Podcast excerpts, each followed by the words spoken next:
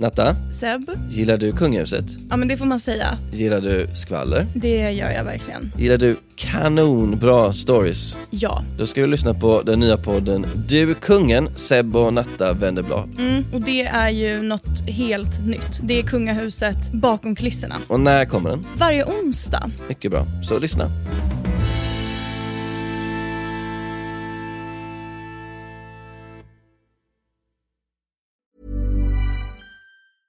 Everyone knows therapy is great for solving problems, but getting therapy has its own problems too, like finding the right therapist, fitting into their schedule, and of course, the cost. Well, BetterHelp can solve those problems. It's totally online and built around your schedule. It's surprisingly affordable too. Connect with a credentialed therapist by phone, video, or online chat, all from the comfort of your home. Visit betterhelp.com to learn more and save 10% on your first month. That's BetterHelp H E L P.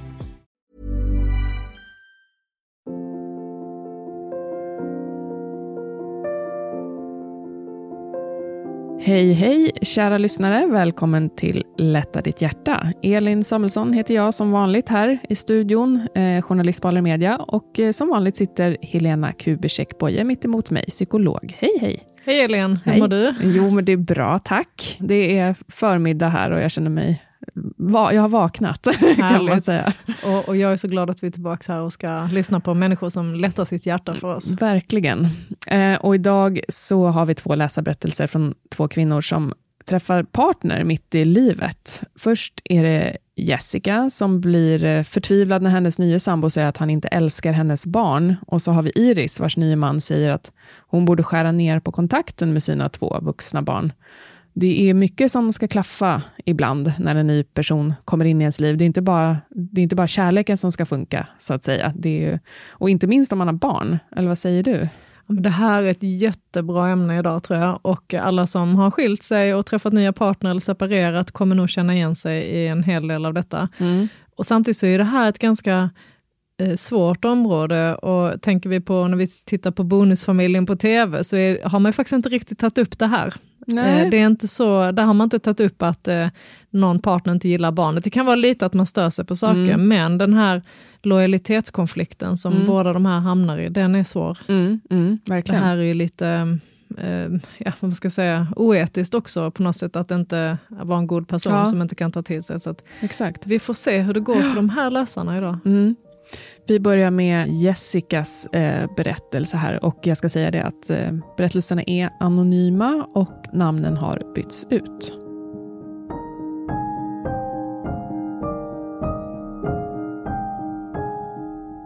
Jag blev djupt förtvivlad när min man ville skiljas. Tillsammans hade vi en dotter på åtta år och en son på fem och jag trodde att vi var lyckliga. Jag hade inte reflekterat över att min man tillbringade allt mer tid utanför hemmet men till slut kom det fram att han träffade en annan kvinna. Den första tiden var fruktansvärd, jag minns den knappt. Min man var beredd att överlåta allt till mig, men han hade ett önskemål, att vi för barnens skull behöll en vettig relation. Under året som följde föll saker och ting på plats. Det viktigaste för mig var att barnen inte skulle ta skada.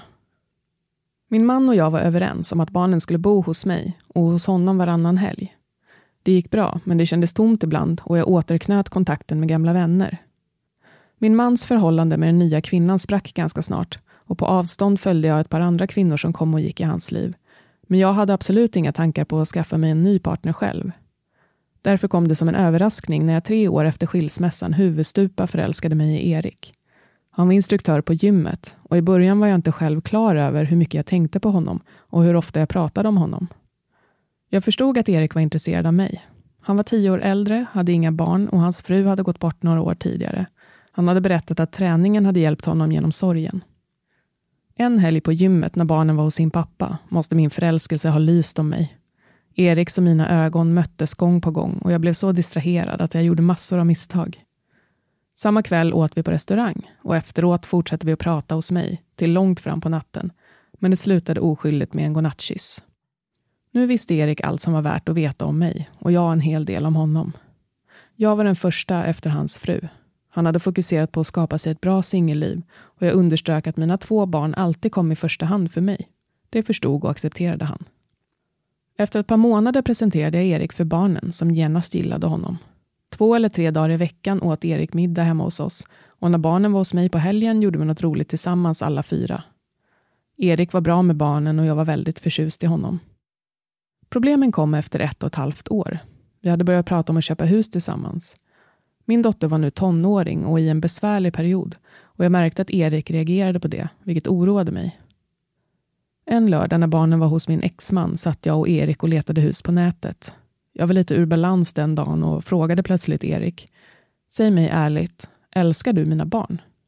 Jag hade en omedelbar och väldigt stark känsla av att inte köpa hus med honom om han inte älskade mina barn. Erik tittade på mig och svarade lugnt och stilla. Det är dig jag älskar. Barnen tycker jag om. Men du älskar dem inte? frågade jag. Erik skakade på huvudet och det hela slutade med ett praktgräl som blev vårt första och sista. Nästa dag bad jag honom att gå. Jag stod inte ut med att han inte älskade mina ungar och jag var arg. Barnen saknade givetvis Erik, men jag berättade aldrig sanningen för dem. Jag slutade på gymmet, slickade mina sår och lovade mig själv att inte släppa in en ny man i våra liv. Inte förrän barnen var vuxna.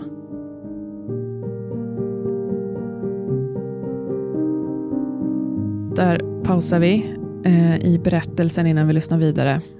Att Erik här säger att han inte älskar Jessicas barn det behöver ju inte betyda att han inte tycker om den. De, det säger han att han gör. Men är det ett litet högt krav att ställa på en partner? Att han ska älska hennes barn? Ja, alltså det skulle jag ju säga. Alltså mm. det, det, det, är svårt att förvänta sig det. Mm.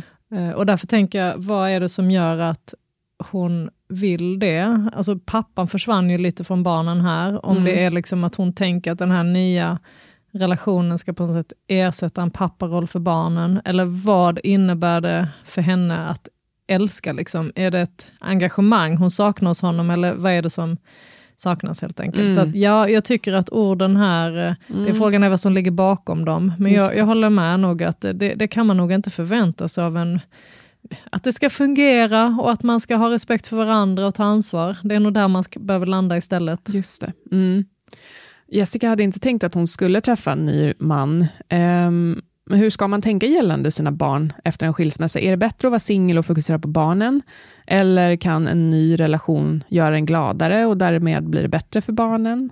Alltså det här är ju superkänsligt och det finns ju inga rätta råd att ge. Liksom. Men man kan ju säga generellt, fokusera på det viktigaste först. Liksom. Och barnen har ju, har ju liksom inte valt den här situationen. Nej. Och det kan man ju tänka på att de, eh, ja, det bör ju liksom, om de ska ha två hem eller eh, olika eh, boende och livssituation, så, så tänk lite på barnen först, vill jag ändå eh, liksom, ge som ett allmänt gott råd. Mm. Men det kan också vara så att en relation gör en gladare, mer positiv, hämtar energi och kraft ur den. Mm. Då kan ju det vara faktiskt någonting som är bra för barnen och ju fler positiv, eller positiva förebilder eller bra vuxna som kommer in i barns liv, det, det kan ju inte vara dåligt. Liksom.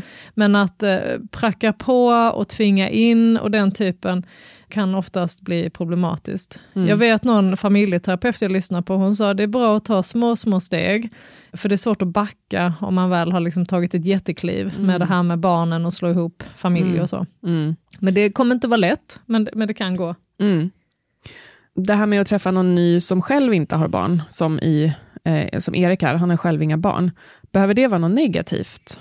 Så, alltså, de vet ju liksom inte vad det innebär att barnen kommer först. Jag tror som i det här fallet tänker hon att det här känns positivt och bra. Han har utrymme för att kunna eh, vara en person för hennes barn. Hon behöver inte ta in några nya barn i sitt liv. Mm. Det kan funka jättebra. Men han har ju också på något sätt gjort sina val och byggt sitt liv väldigt, ja, själviskt i fält så säga, men egocentriskt. Det är hans träning, det är hans liv och mm. mående. Mm. Inte van att ta ansvar för eh, kanske och ge avkall på sitt eget. Mm. Så ehm, det, det, du sa här då att eh, man inte vet vad det innebär att barnen ofta kommer först. Mm. Det, det, det, är svårt att relatera till om man inte själv har barn. Ju. Mm. Och sen att hon vill att han verkligen ska älska dem, det, mm. tycker jag går för långt. Men, eh, man, man, nej, man kanske inte kan ställa det kravet på att en ny partner ska tycka om eller älska ens barn. Eller, eller tycka om, alltså så. men hur gör man då om, om, om partnern inte tycker om ens barn?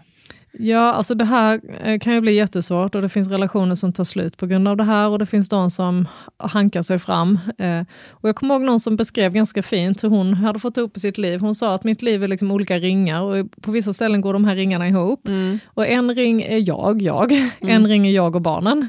En ring är jag och barnen och min nya partner. Och en ring är jag och min nya partner, mina barn och hans barn. så att, och hon sa det att om jag tänker så här, då får jag liksom på något sätt ihop det. Och mm. ringarna behöver inte vara en ring, Nej. utan jag får dela upp det. Ja. Och så tycker jag att man kan tänka så här, vad skulle vi kunna ha gemensamt här som mm. funkar? Men att förvänta sig att han ska eh, vara en ställföreträdande pappa kanske då, skjutsa till aktiviteter, sitta med läxor, ta utbrott och fostra och ta ansvar, mm. det, det, är ganska ovanligt att det blir så. Just det, det kan man inte ta för givet. Nej, smart idé där att ha olika ringar och se vad, vad kan jag få ihop i den här ringen. Liksom. Och var, var gränsar två ringar varandra och mm. på vilket sätt gör det? Jo men till exempel på födelsedagar, då är vi allihopa den. Men att eh, vissa saker är det bara jag och min partner och vissa saker är barnen inblandade i, så det blir en tydlighet. Liksom. Mm. De pratar ju om att köpa hus eh, ihop här, just om dottern är inne i en besvärlig tonårsperiod. Eh, kanske har varit läge att vänta med en så stor förändring, om hon nu ska sätta barnen i första hand. så eller? Ja, alltså när vi forcerar saker så kan det bli jobbigt och de hade kanske klarat sig ur den här situationen också, men om det liksom är en tuff period just nu kanske man borde ha väntat mm. Eh, med att också göra den förändringen. Mm. Eh, sen förstår jag henne här, hon, hon drömmer om att bygga ett nytt familjeliv. Mm. Hon vill ju få ihop det här, hon vill känna att de ja, vissa kan säga inom citat, leker familj igen. Mm. Eh, men att de, de, är en helhet. Det är det hon vill få ihop i det här. Mm. Och eh, det är ett stort eh, projekt att mm. göra det. Mm. Innan vi bröt historien här så lovade Jessica sig själv att inte träffa någon ny innan barnen har blivit vuxna. Vi lyssnar vidare på berättelsen.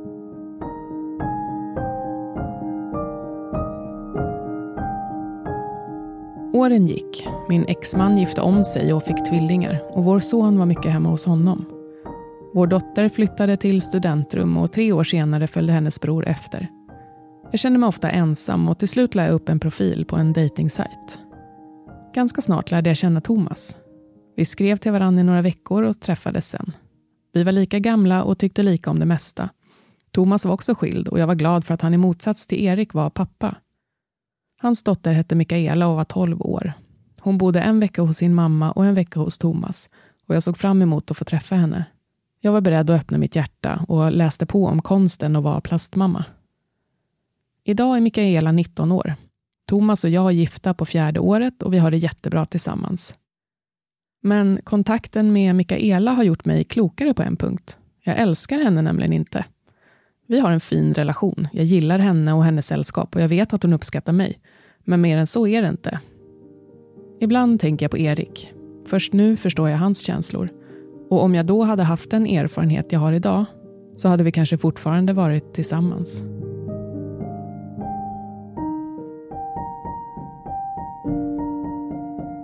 Ja, tänk hur det kan gå här. Jessica skriver att om hon hade haft den erfarenhet hon har idag så hade hon och Erik kanske ännu varit ihop. Tänk vad ens bestämda åsikter kan göra och liksom leda till att man tar så livsomvälvande beslut ändå.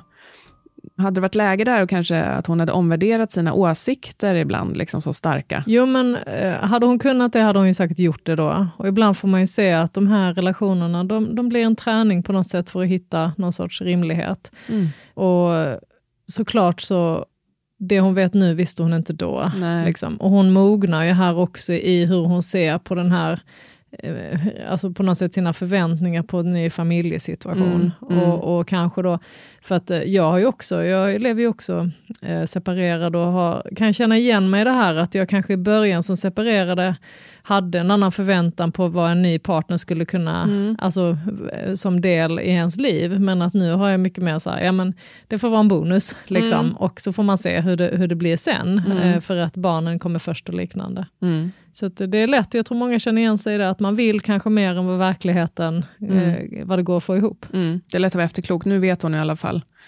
Och nu är det lite ombytta roller. Hennes nya man har en 12-årig dotter när de träffas och eh, Jessica här, då, hon läser på om konsten att vara plastmamma. Det låter väl ändå jättesmart? Alltså väldigt bra och jag träffade en patient en gång som gick in i samma roll. Hon hade inga barn själv, men hon gick med i någon förening som hette typ så här styvmodern eller något sånt, styvmorsviolen. Alltså det var något sånt. Men ja.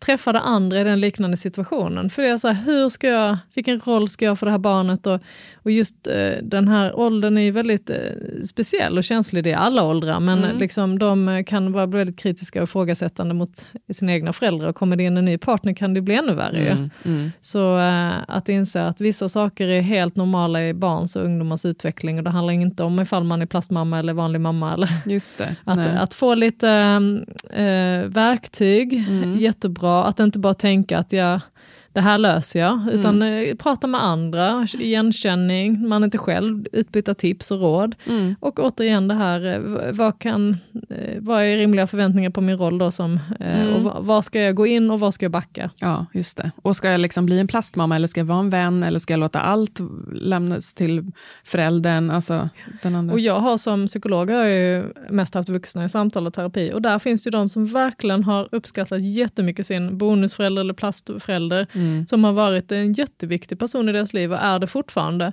Men jag har också hört det omvända, men de som hatar dem. Mm. De, men det har också varit ofta så att det har inte visats något intresse alls, inget engagemang, okay. eh, där de har känt sig osynliga eh, och mm. Eh, som att man bara är i vägen. Mm. Så det, det kan verkligen bli jättebra, men mm. det kan också bli jättedåligt. Mm. Och hon läser på här, hon tar sitt ansvar. Det kommer nog bli bra. Ja, Eh, Eh, fint. Vi lyssnar på nästa berättelse som kommer ifrån Iris.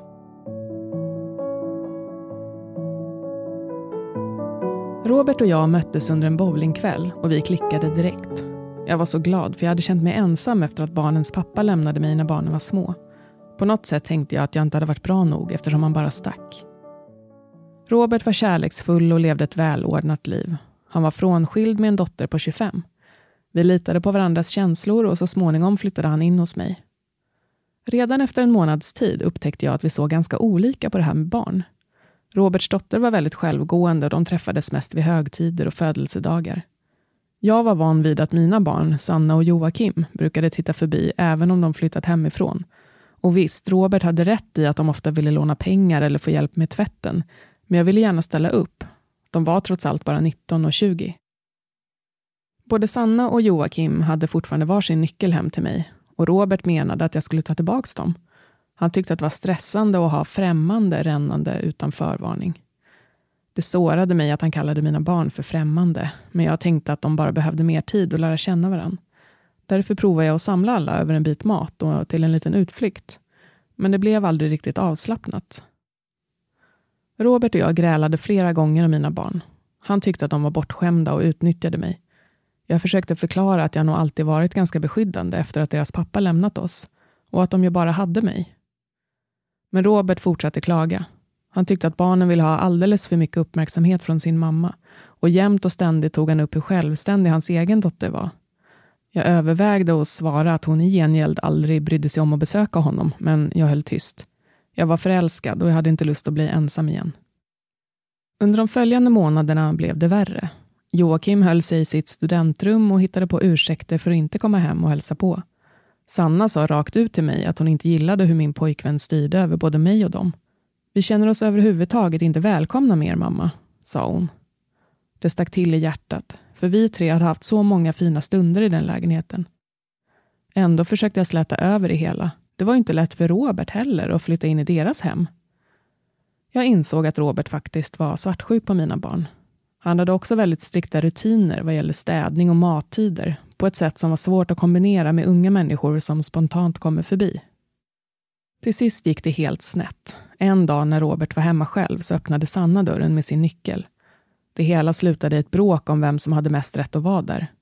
Upprörd ringde Sanna till mig och berättade vad som hänt. Och när jag återigen tog Robert i försvar så kallade hon mig svag. Den kvällen gav Robert mig ett val. Om det skulle vara vi två så måste jag börja välja bort mina barn så att de inte kom förbi så ofta. Jag kände förvisso att han var orimlig men samtidigt skrämdes jag av blotta tanken på att bli ensam igen. Och kanske hade han rätt. Mina barn var ju rätt bortskämda.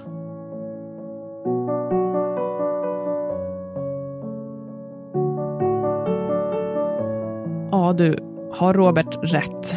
Är Iris barn bortskämda, tycker du, som får komma och gå som de vill och få hjälp med tvätten och låna pengar? Vid vilken ålder går gränsen egentligen? Oh, så svårt. Vad tycker du, Elin? ja, jag vet inte. Jag flyttade hemifrån vid 18 och har liksom, tycker jag, klarat mig själv. så, Men alla är ju olika. Alla är olika och eh, olika barn behöver olika hjälp och stöttning. Och sen är det inte jätteovanligt att barn som växer upp i, eh, med, med, två hem och skilda föräldrar, att det finns någon typ av lite dåligt samvete för att de har haft det jobbigt kanske och då mm. kanske man överkompenserar lite och mm. eh, vill stötta upp på det sättet man kan. Mm. Och hon är ju en på ett sätt en eh, engagerad, närvarande förälder vill hon vara, men samtidigt så ska ju de också lära sig ta ansvar själv. Så mm. att ja, Robert har väl delvis rätt, mm. tänker jag. Eh, och att hur de behandlar henne tar för givet kanske. Så. Just det. Men, eh, och sen har de ju olika syn på, på det här och det är det som oftast händer när man kommer in en ny partner, man har lite olika uppfostringsmetoder eller strategi eller mm. syn på, på det här. Och han har ju liksom, hans dotter verkar ju självständig mm. och fri, eh, frigjort sig. Så. Mm. Here's a cool fact. A crocodile can't stick out its tongue. Another cool fact, you can get short-term health insurance for a month or just under a year in some states. United Healthcare short-term insurance plans are designed for people who are between jobs, coming off their parents' plan, or turning a side hustle into a full-time gig. Underwritten by Golden Rule Insurance Company, they offer flexible, budget-friendly coverage with access to a nationwide network of doctors and hospitals. Get more cool facts about United Healthcare short-term plans at uh1.com. Hey, it's Ryan Reynolds, and I'm here with Keith, co star of my upcoming film, If, only in theaters, May 17th. Do you want to tell people the big news? All right, I'll do it. Sign up now and you'll get unlimited for $15 a month in six months of Paramount Plus Essential Plan on us. Mintmobile.com slash switch. Upfront payment of $45 equivalent to $15 per month. Unlimited over 40 gigabytes per month. Face lower speeds. Videos at 480p. Active Mint customers by 531.24 get six months of Paramount Plus Essential Plan. Auto renews after six months. Offer ends May 31st, 2024. Separate Paramount Plus registration required. Terms and conditions apply if rated PG. Kort efter att Iris och Thomas har flyttat ihop så visar det sig då att de har rätt olika syn på barn. Ehm, sånt kanske man borde diskutera innan. Det kan ju inte ha varit helt nytt för honom att, att Iris barn kommer och hälsar på då och då och har egna nycklar och så. Jag vet att det här är ett irritationsmoment i många eh, liknande situationer. Alltså på något sätt, för man tänker så här, men nu är det vi, mm. och så, vilken roll har barnen? Och så plötsligt kommer de först och då får jag släppa allting annat, tänker han Robert då. Mm. Eh, och i en perfekt värld så skulle man ju gå i någon typ av liksom, förberedande samtal eller sätta sig in i hur ska vi råda det här, vad är viktigt för mig, vad är viktigt för dig? Mm. För kommunikationen är ju det viktiga här. Eh, jag vet ju de som till exempel får när barnen kommer så väljer den nya partnern att kanske vara i sommarstugan eller vara någon annanstans för att det blir bara konflikter annars. Mm. Ibland får man undvika, ibland får man jobba på att det ska bli bättre. Mm. En, en perfekt värld så borde de ju diskuterat det här både inför, under och efter. Mm. Eh, och då brukar man kunna lösa det mesta. Men eh, det är ju inte så det ser ut och är man dessutom förälskad så bortser man ju mycket och man vill inte ta i de här jobbiga frågorna utan man tänker det löser sig Just sen det. och det får bli vad det blir. och ja. sådär. Så vi är ju lite så, vi undviker gärna eh, att göra det i jobbet men mm. det kommer ju i efterhand problemen då. Man vill inte göra liksom ett projekt av det här kär, nya kärleksförhållandet, utan det ska bara flyta. Liksom. Precis, men mm. om man kan definiera sina gränser, och sen är det ofta så att båda kommer behöva förhandla bort någonting och eh, göra någon typ av uppoffring för att man ska mötas. Liksom. Mm, mm. Men sett ur Roberts perspektiv, då, nu är det ju faktiskt hans hem också. Har han rätt att få slippa två andra personer som kommer när som helst, eh, som kan komma in genom dörren? Eh, oanmälda. Så liksom. De har ju faktiskt flyttat hemifrån, även om Iris skriver att, de att det fortfarande är deras hem. Ja, alltså jag kan ju förstå honom och jag kan förstå henne också, och barnen. Mm.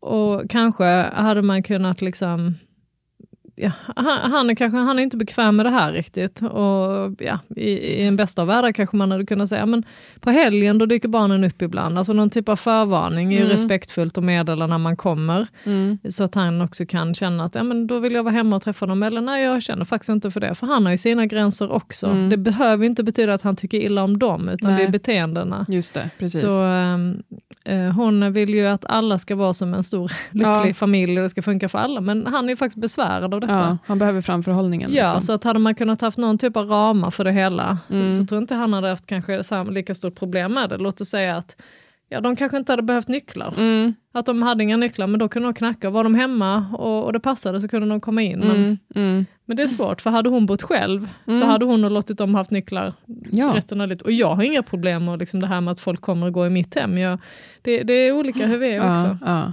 visst. Um, Iris skriver här i början att hon tänkte att hon inte var bra nog eftersom eh, pappan till hennes barn då lämnade henne tidigt där. Ett dåligt Mm. självförtroende i grunden kanske som gör att hon inte helt står upp för sina barn gentemot Robert. Att hon vill ju inte bli ensam. Liksom.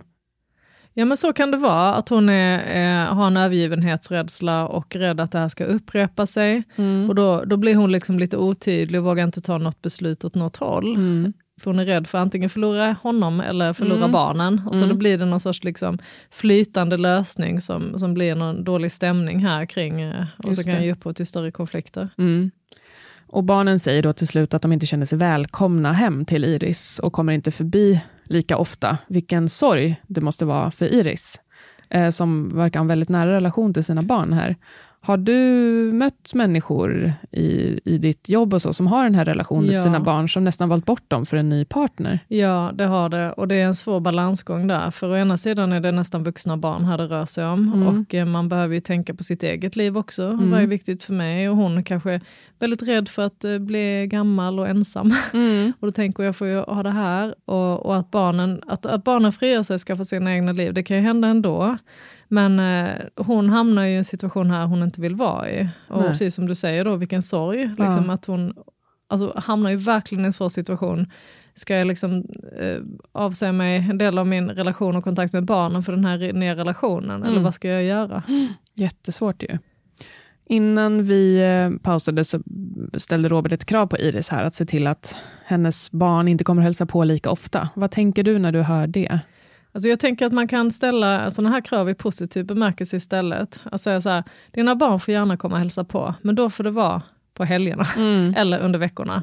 Istället för att det här typen av, de får inte komma hit och de ska inte ha nyckel. Så, så liksom, eller säga, liksom, jag ser gärna att vi bjuder över dem på middag en gång i månaden. Eller, eller så. På något sätt, hur kan vi ställa positiva villkor och eh, eh, krav eller så. Istället för att det blir ungefär som när vi ska om vi vill gå ner i vikt, om jag tänker på allt så här, inte få äta eller inte dricka så blir det jättejobbigt. Men tänker jag på allt jag får äta och dricka så blir det positivt. Det. Så jag tänker att eh, de hade behövt kunna kanske vända på det lite så. Mm, mm.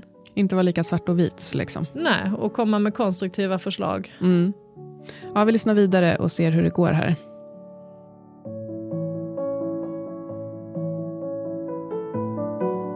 Det var som om jag slet mitt itu och tankarna malde i flera dagar. Men så fick jag ett meddelande från min dotter där hon skrev att hon saknade mig och inte förstod hur jag kunde dra mig undan från henne och Joakim, precis som deras pappa hade gjort. Den dagen sa jag till Robert att jag aldrig tänkte välja bort mina egna barn. Och så tog det slut mellan oss. Först grät jag över den tomma lägenheten, men Sanna hjälpte mig att måla om för att få en ny start. Idag vet jag att jag valde rätt. Förhoppningsvis träffar jag en man som förstår att barnen alltid kommer vara en del av det paket som är jag. Bäst av allt är att barnen kommer hem och hälsar på igen. Lustigt nog har de slutat att be om pengar.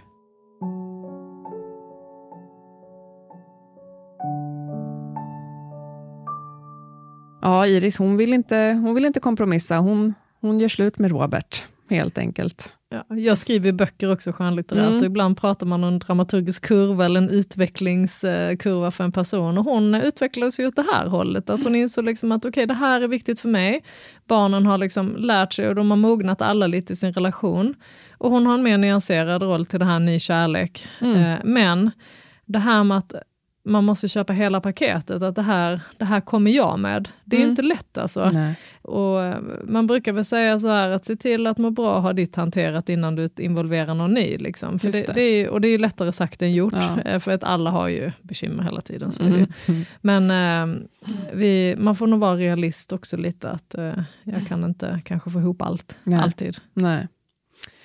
Eh, men det ledde ju till något positivt för Iris relation till, henne, till sina barn i alla fall. Men eh, ska man tänka på det, att om man träffar en ny kärlek som har barn eller husdjur för den delen, eller gamla föräldrar som måste tas om hand, att man måste att man då får hela paketet. Liksom. Det går inte att ändra den personens övriga relationer. Nej, så är det ju. Alltså vi är ju också, de här läsarna är ju lite äldre och man har ju samlat på sig mycket erfarenhet. Eh, jag lyssnade på en amerikansk podd som pratade om att eh, vi, vi är som ett långt tåg. Mm. och vi har många av oss, har, en del av oss har väldigt många vagnar på det där tåget. Det kan mm. vara en jobbig uppväxt, det kan, vara, det kan vara många olika barn, det kan vara sorger, det kan vara allt möjligt som hänger i det där långa tåget. Mm. Och, och, vi har ju det med oss, så är det ju bara. Och jag tror att begreppet acceptans är det vi kan ha mest med oss. Att vi behöver liksom acceptera varandra och varandras livssituation så mycket det går. Även sånt vi inte vill acceptera. Mm. Och här i det här fallet, tittar man bakåt så hade hon kanske liksom att acceptera att Robert tänkte så här, det blev ju, sen valde hon att det fungerade inte för henne. Nej, nej. Men att acceptera varandra precis som man är, det är ju en sån här gåta för att få det att fungera. Mm, mm. Att inte försöka förändra den andra för mycket, men att man kan förändra sig själv eventuellt. Då. Mm. Och så att Robert hade också behövt jobba på sin acceptans, att hon Han har med sig det här. också, båda två, eh, att det här är så hon har det och det här är så pass viktigt och det här ska funka. Och acceptera att hon har en annan relation till sina barn än vad han har till sin dotter, för mm. det kunde också kanske väcka tankar hos honom. Liksom. Mm. Alltså, och att vi är olika. Mm, precis. Så att ja, vi skickar med alltså, ordet acceptans av varandra och ens paket man har med sig. Det är ett önskeläge och, och när jag verkligen förstår innebörden av acceptans, mm. Elin, det var ju när jag insåg, det här är också man jobbar mycket med inom eh, mindfulness och acceptans, det är när man inser att man måste acceptera även sånt man inte vill Nej, acceptera. Just det, som är svårt. ja, och att jag kanske inte, man vill inte acceptera någonting, men jag väljer att acceptera det ändå. Så ja, att, ja. Svårt alltså, det men det svårt. kräver övning. Kanske. Ja, men vi vet också, bara vi nämner de här orden så kan man nästan känna sig en lättnad i kroppen, att det är vad det är. Mm. Liksom. Mm. Punkt. Ja.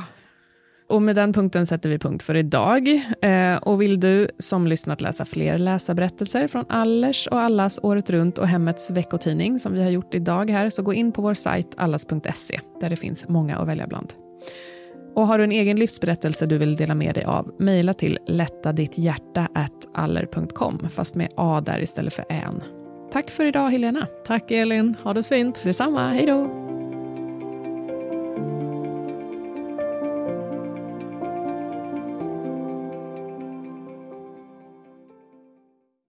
En podd från Allermedia. Planning for your next trip? Elevate your travel style with Quince. Quince has all the jet setting essentials you'll want for your next getaway, like European linen, premium luggage options, buttery soft Italian leather bags, and so much more. And is all priced at 50 to 80% less than similar brands. Plus, Quince only works with factories that use safe and ethical manufacturing practices. Pack your bags with high-quality essentials you'll be wearing for vacations to come with Quince. Go to quince.com/pack for free shipping and 365-day returns.